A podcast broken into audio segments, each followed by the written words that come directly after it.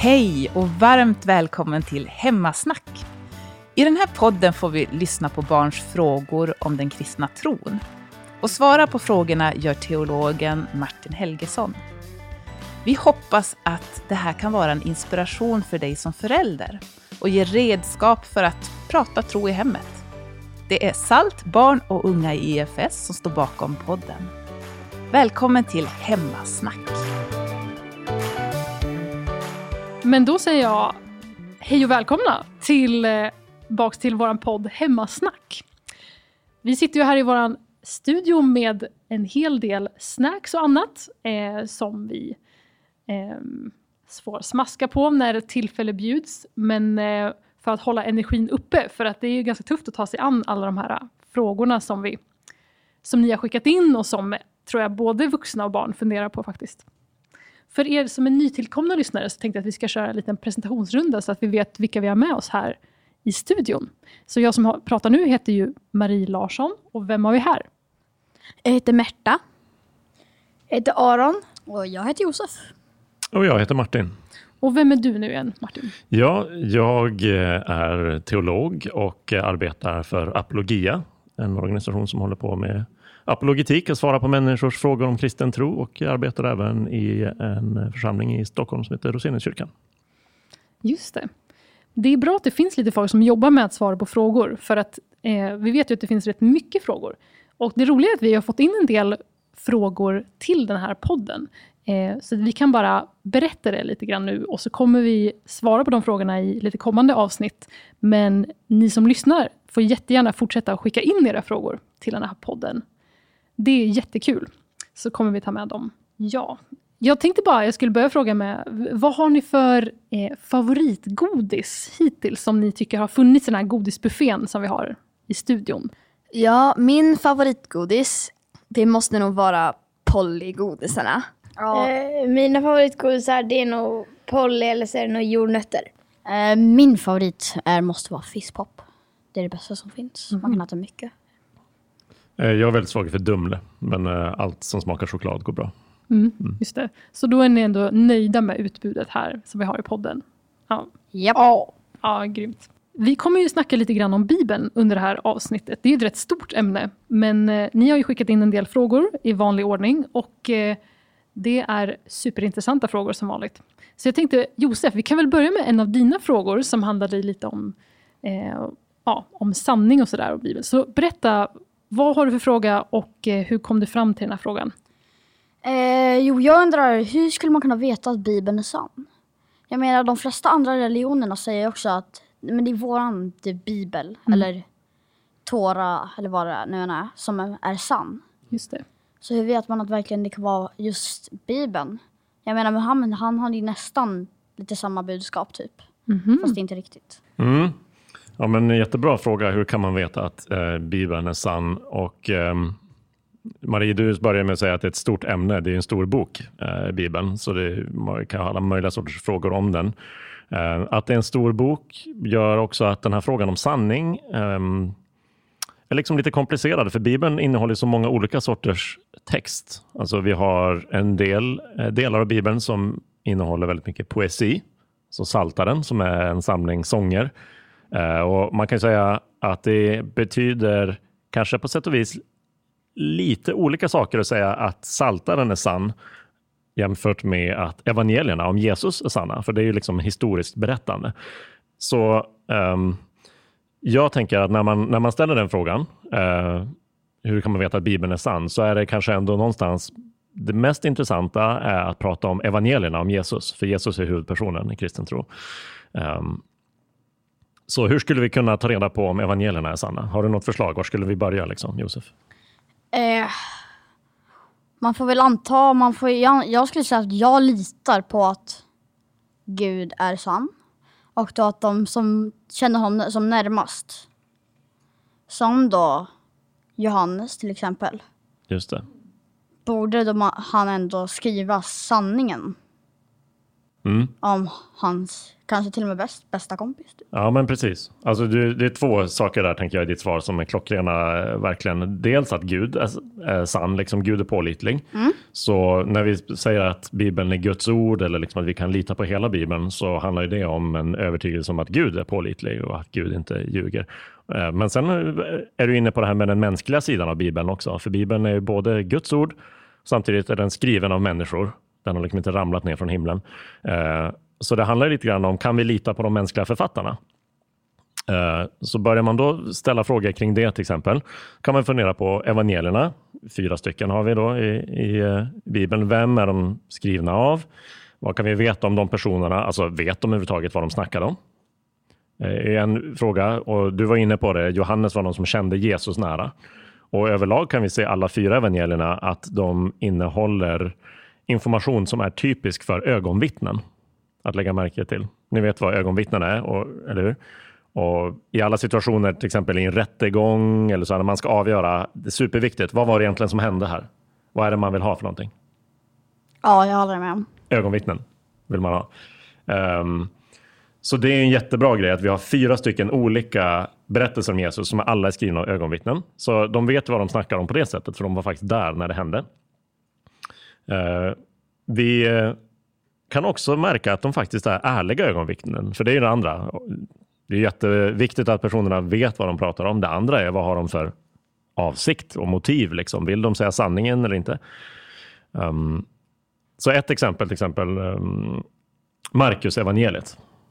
Skrivet av en person som heter Marcus då, uppen, uppenbarligen. Och han var eh, ett slags sekreterare. Alltså han gjorde det som Märta gör nu här. Hon skriver ner eh, med en penna på papper vad Petrus berättade. Petrus var en av lärjungarna. Japp. Yes. All right. Så om Petrus skulle berätta om Jesus för Markus och säga skriv ner det här i, i en bok eh, som du kan få kalla Markus evangeliet om du vill. Men Eh, varför, varför heter det Marcus evangeliet då? Jo, men det gör det för att man, man visste att det var Markus som hade skrivit ner det. Och vi har faktiskt källa från eh, jättelångt tillbaka, inte, inte eh, liksom ända tillbaka när det skrevs, men väldigt tidigt. Just att det blev känt under namnet Marcus evangelium och samtidigt att personer då visste att men Markus jobbade nära Petrus och var liksom hans sekreterare och medhjälpare. lite så. Men det jag ville komma till då är att Petrus, han väljer då att i det här evangeliet ta med berättelsen om när han förnekade Jesus. Alltså tänk efter. Petrus, han var en av de viktigaste ledarna, en av de mest kända kristna på sin tid. Det är inte jättekul för honom att alla vet, ärligt talat, att han faktiskt övergav Jesus när Jesus behövde honom som mest. Jesus var ensam på, inne på gården där hos översteprästerna. Han skulle förhöras hela natten. Ni fattar, otroligt mycket press. Precis då så bailar Petrus och liksom sticker därifrån eller vill säga, jag har inget med honom att göra. Men Petrus väljer att faktiskt ta med det i sitt evangelium. Det är ett jättetydligt exempel på att här är någon som är ärlig och inte bara försöker ni vet, få sig själv att framstå eh, på det allra bästa sättet. Så där har vi några, några saker tänker jag. Eh, alltså att eh, den är skriven av rätt personer som vet vad de pratar om, ögonvittnena. Eh, eh, och att evangelierna är skrivna av ärliga personer. Så det är liksom några första ledtrådar till att Bibeln går att lita på rent som historisk källa om vem Jesus var, vad han gjorde, vad som hände runt honom.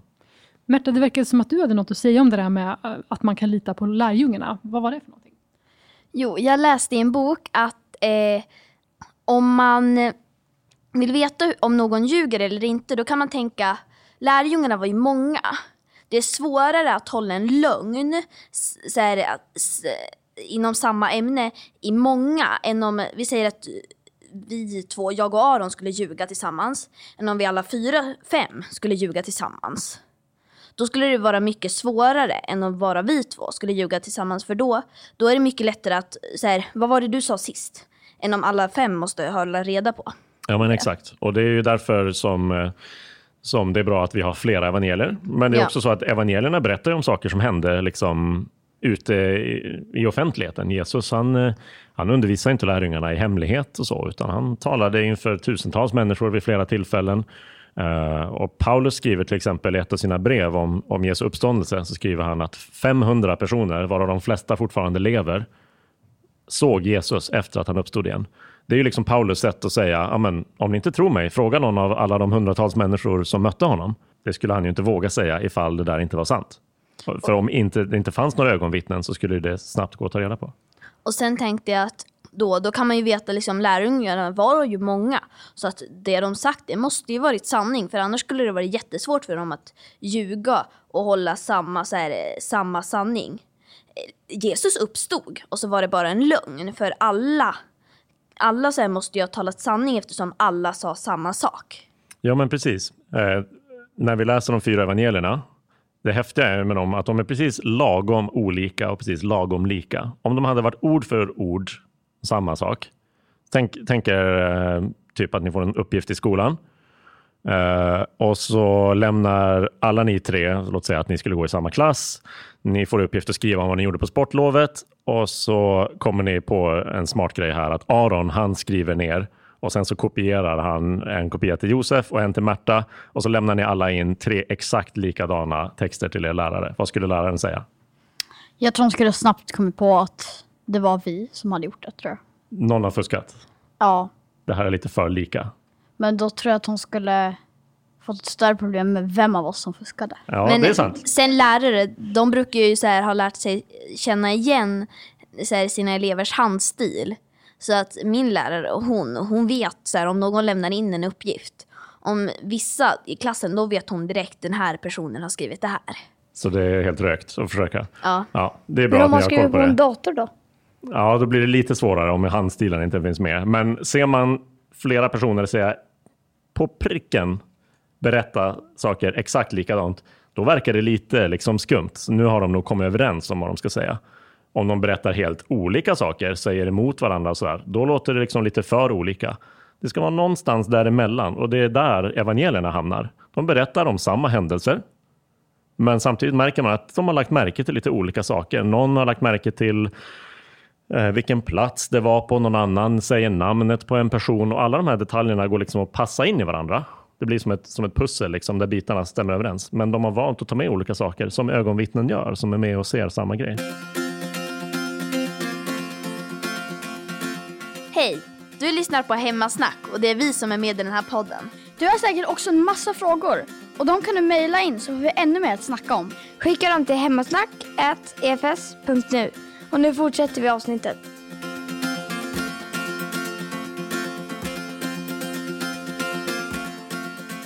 Och nu har vi ju snackat om saker som Bibeln beskriver som har hänt, men det står ju en massa olika saker i Bibeln.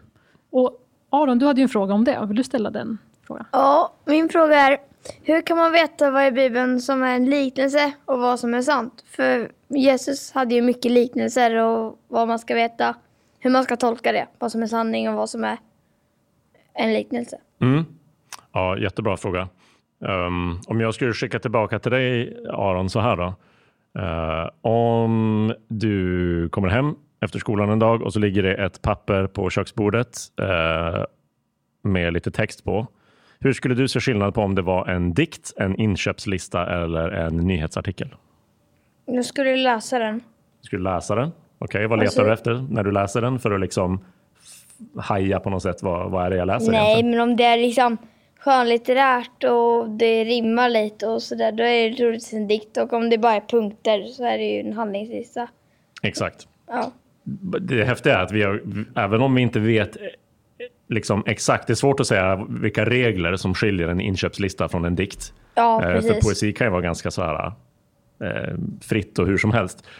Men vi har ju faktiskt ganska bra, liksom, eh, ju mer vi läser så har vi ganska bra förmåga att liksom på känn märka vad det är för sorts text vi läser. Och när man läser Bibeln, så ju mer man bekantar sig med Bibeln och man kanske tar hjälp av de som kan mer om Bibeln, så börjar man liksom uppfatta skillnader i, i liksom, vad är det för slags text. då? Så Saltaren låter väldigt annorlunda jämfört med Lukas evangeliet eller eh, Paulus brev. Sådär. Så det det börjar man känna. Och, och ibland står det supertydligt när det kommer till liknelser. Jesus berättade den här liknelsen för lärjungarna. Och ibland så står det till och med på förhand vad liknelsen, varför han berättade liknelsen. Så då behöver man, eh, ja, man ska ändå läsa den, men man får liksom lite grann eh, en fusklapp på, för, på förhand. Men ibland så, så känner man av det mer indirekt. Liknelserna, de är det är som ett särskilt grej som Jesus använde för att förklara det han ville undervisa om. Och just liknelser ska jag säga förekommer kanske inte så jättemycket i andra delar av Bibeln. Eh, så i evangelierna så, så, får man helt enkelt hålla utkik. Står det här om det är en liknelse eller inte? Eh, för om det är Jesus som pratar, men, men då märker man ändå ganska ofta det. Om man inte märker det i liksom precis de här fem verserna jag läser, kolla lite före, kolla lite efter. Vad är, det som, vad är det som händer här? Vad är situationen? Vad är sammanhanget som man brukar säga? Det är alltid jätteviktigt när man läser Bibeln, att inte bara stirra på ett ord eller en mening eller en vers, utan läsa lite före, läsa lite efter och försöka se hur det hänger ihop. Eh, och då brukar man kunna se skillnaden på det som är historisk händelse, det som är en, en liknelse från Jesus eller någon typ av bild eller illustration som någon annan gör. Mm. Ja, tack för svaret. Det är ju en del som säger att Bibeln är lite svår att tro på för att, för att Bibeln är så gammal. Eh, men det hade ju du en fråga om, Josef. Vad var det du funderade på och varför tror du att det, att det är en viktig fråga? Liksom? Ja, men jag undrade om eh, när, när, vilken tid Bibeln skrevs. För det fanns ju inte riktigt så här, när vi räknar år då tänker vi 2021, 2022. Men de hade ju inte, eller hade de ett typ ett räknesystem så att man visste vilken tid typ, eller vilket år det var. Mm. De sa ju mycket såhär, ja sjunde timmen på dagen. Så Ja, hände det. det här och det här. Ja, Och så var det mycket, nu så skriver vi också typ 700 år efter Kristus eller före Kristus typ. Ja, precis. Ja, nej, det är inte så att eh, Abraham gick och liksom tänkte att jag lever 1800 år före Kristus, även om vi nu i efterhand vet att han gjorde det. Det, det hade varit lite bökigt för dem att räkna så. Så det har hänt mycket i hur mm, exakt som vi mäter tid, hur vi pratar om tid och så. Men man hade sätt att mäta tid både på dagen, som du sa innan, sjunde timmen och sådär. Alltså. Så det är, ju, det är mindre exakt ehm, än, än nu. Men man hade också sätt att eh, hålla koll på vilket år det var. Och det man ofta gjorde då, det var att man eh, räknade år från när en ny kung tar över i landet. Eh, Så det är, kan vara till hjälp för oss när vi kollar på särskilda böcker i Bibeln. Eh, När, vem var det som var kung? Dels i Israel när den här boken skrevs. Men vi kan också jämföra med listor som vi har hittat från andra länder runt omkring. Och om man börjar pussla ihop de här listorna, det är ganska komplicerat, men då brukar man oftast få reda på eh, när händelser äger rum och det kan då ge oss ledtrådar till när de skrevs ner. Men sen är det ju, apropå det du sa Marie, det här om kan man lita på Bibeln, det är så länge sedan den skrevs och så. Så är det när man pratar om historiska böcker så är det mest intressanta tidsavståndet det är inte mellan när boken skrevs och när jag läser den, utan det är mellan det som hände, som boken ska berätta om, och när boken skrevs. Så därför är det en fördel att, boken, att Bibeln skrevs för länge sedan. För det gör att avståndet mellan Jesu liv och evangelierna blir kortare. Eh, och det gör att evangelierna skrevs och började kopieras och skickas runt medan ögonvittnena fortfarande var i liv. Och då menar jag inte bara de som skrev evangelierna utan andra som hade sett Jesu liv och som kunde säga att ja, men jag var där, jag är personen du kan läsa om i kapitel 8, vers 4. Fast de hade inte kapitel och versnummer. Eh, och det gjorde eh, liksom att ehm, man inte kunde hitta på och förfalska hitta på berättelser. Det hade varit svårare i alla fall.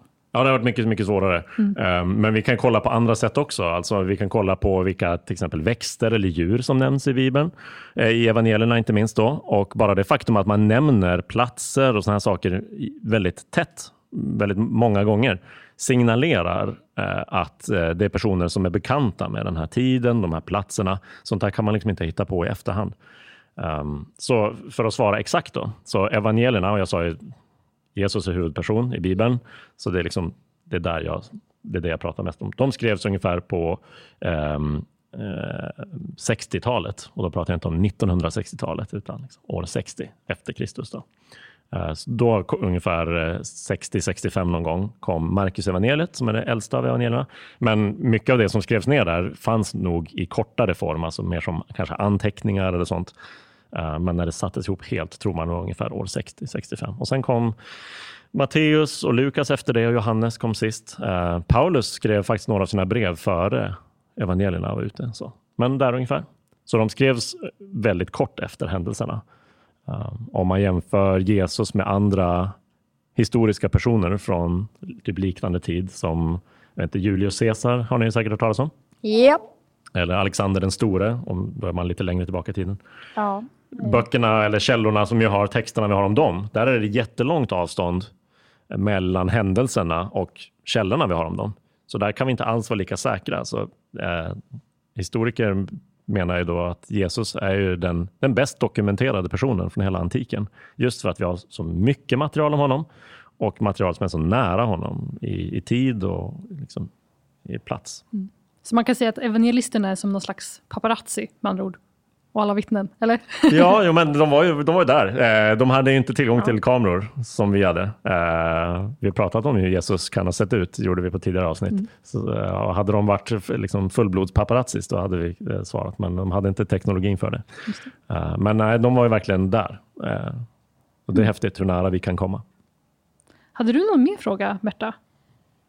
Ja, jag vet inte riktigt om det hör till det här ämnet. Ja, men kör. Men hur kan de som inte tror på Gud säga att det här året började man räkna år? För eh, om Big Bang var samtidigt som skapelsen, det var ju mycket längre sedan än hur man räknar år. För man räknar ju från Jesu födelse. Mm. Och då, det, jorden skapades ju för hur, jättelänge mer än när Jesus föddes.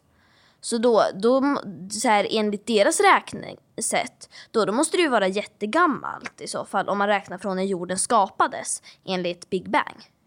Ja, det skulle det vara. Men nu är det ju eh, faktiskt så att det är den tideräkning som är gemensam för nästan hela världen är just den som, som utgår från Jesus. Eh, och Det är som ett tecken på hur viktig Jesus har varit för, för världens historia.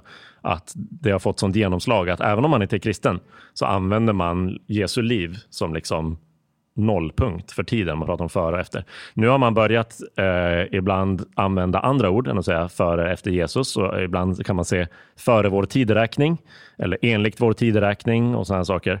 Men innerst inne vet alla vad tideräkningen handlar om och det utgår från Jesus. Det finns lite andra kalendrar, men det som är standard är ju faktiskt att utgå från Jesus, även om ehm, alla vet att eh, världen fanns eh, långt före Jesus levde. Och, och före Jesus levde, som jag sa, så använde man, då hade man liksom inte samma det här eh, och räknade åren i, i de här jättestora sjoken, utan det handlade mer om när någon blev kung, då började man om på noll och, så, och sen började man på noll igen. Vilket är lite opraktiskt. Så då är det också, så är det, det är också ett bevis på att Bibeln är sann. Att man räknar från Jesu födelse. Ja, det är åtminstone ett, eh, det är ett tecken på hur, hur stort inflytande Jesus och sen den kristna tron har haft i vårt samhälle. Um, om man kan säga att det är ett bevis på att det är sant i sig, det kanske jag inte skulle säga riktigt. Och, eh, faktiskt är det så att personen som kom fram till den här tideräkningen räknade fel. Så ska vi vara riktigt petiga um, så nu idag har vi lite bättre räknemetoder. Vi kan jämföra med olika sådana här äh, astronomiska fenomen som solförmörkelser och sånt där. Så ska vi komma till året när Jesus faktiskt föddes var det förmodligen fyra år före Kristus. Så det är, man ska inte eh, liksom bygga för mycket på just vår tideräkning, men det är verkligen ett tecken på hur inflytelserik och betydelsefull Jesus har varit. Bra fråga, Marta.